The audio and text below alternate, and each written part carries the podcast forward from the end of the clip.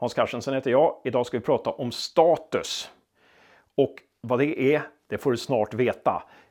Först, ta och prenumerera så missar du inga avsnitt och så tillhör du familjen av romanskrivare. Då var det dags för termen status, påkommen av Keith Johnston på 70-talet och används sedan dess i alla möjliga sammanhang. Du kanske aldrig har stött på termen, eller så har du gjort det. Hur som helst så kommer du få en fördjupad bild av status.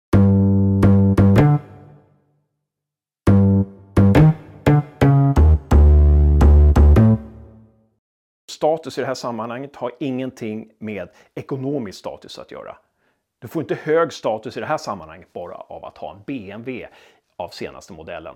Nej, status i det här sammanhanget handlar om bekvämlighet. Om vilken bekvämlighetsgrad du har. Och det är alltid ett förhållande till någonting annat.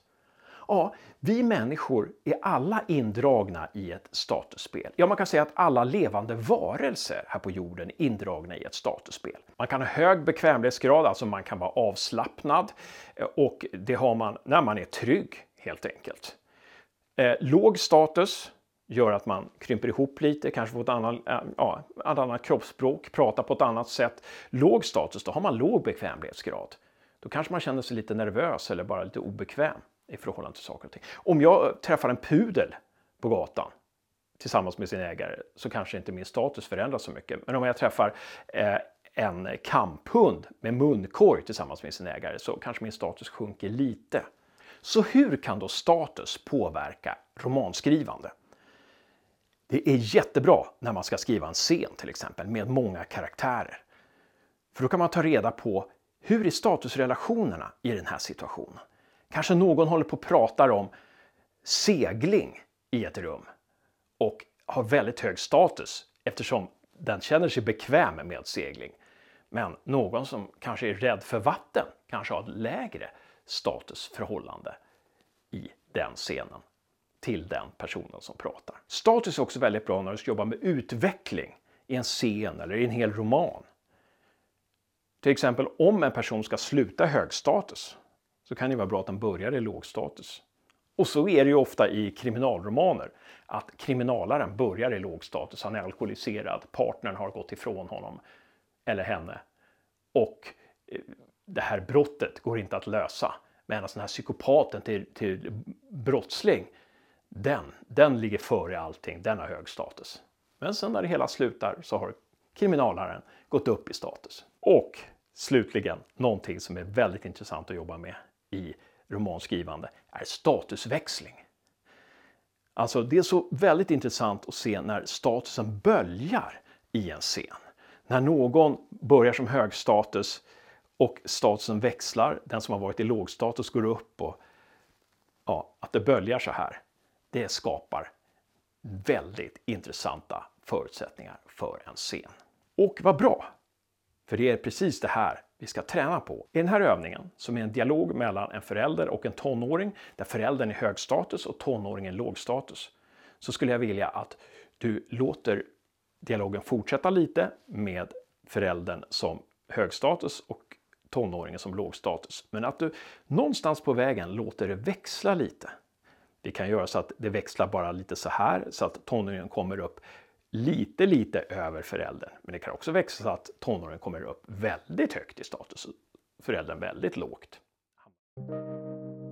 Föräldern säger Var har du varit? Tonåringen säger Jag ber om ursäkt att jag är sen. Föräldern säger Nu blir det konsekvenser. Fortsätt på dialogen och se om du kan göra en statusväxling.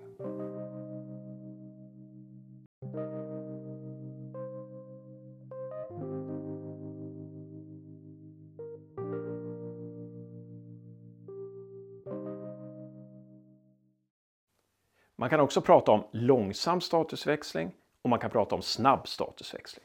Långsam statusväxling är ofta psykologiskt intressant medan snabb statusväxling bli komisk.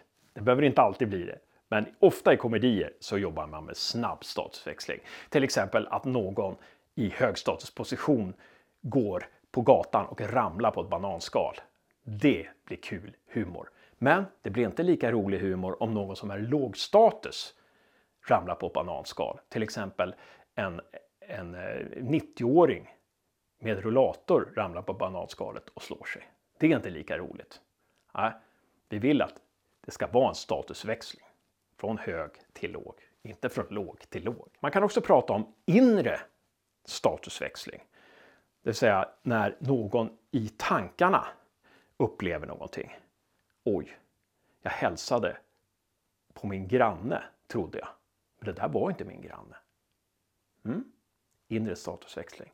Yttre statusväxling kan ske i dialog. Jag såg att du har varit otrogen. Jag följde efter dig. En annan sak som är bra med det här med status, det är att vi i dialog kan ta reda på vem som driver. Ofta är det den som har högst status som driver en dialog. Det behöver inte vara samma person hela tiden. Statusen kan ju växla om någon annan tar över.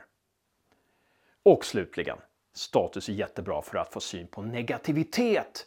Negativitet mellan personer är sällan rolig dialog eller intressant dialog. Negativitet uppstår ofta när det är två karaktärer med likadan status som psykologiskt brottas med varandra. Du är dum, du är dummare. Håll käften, håll käften själv. Som ni ser verkar inte den här dialogen leda någon vart. Det blir bara ett evigt käbblande. Så då blir det mycket mer intressant om vi... Du är dum. Ja, jag vet. Jag gjorde det här misstaget. Att jag snattade igen. Dock så måste ju bli, när det blir statuskamp, så kan man ju tänka sig att några är har samma status under en viss tid, men sen måste någon ge sig. Ja, den måste börja pendla någonstans. Det var status. Om du vill hänga på nästa klipp också, kom ihåg att prenumerera, så får du det i din feed utan att behöva tänka någonting eller att göra ett aktivt beslut. Lycka till med romanen!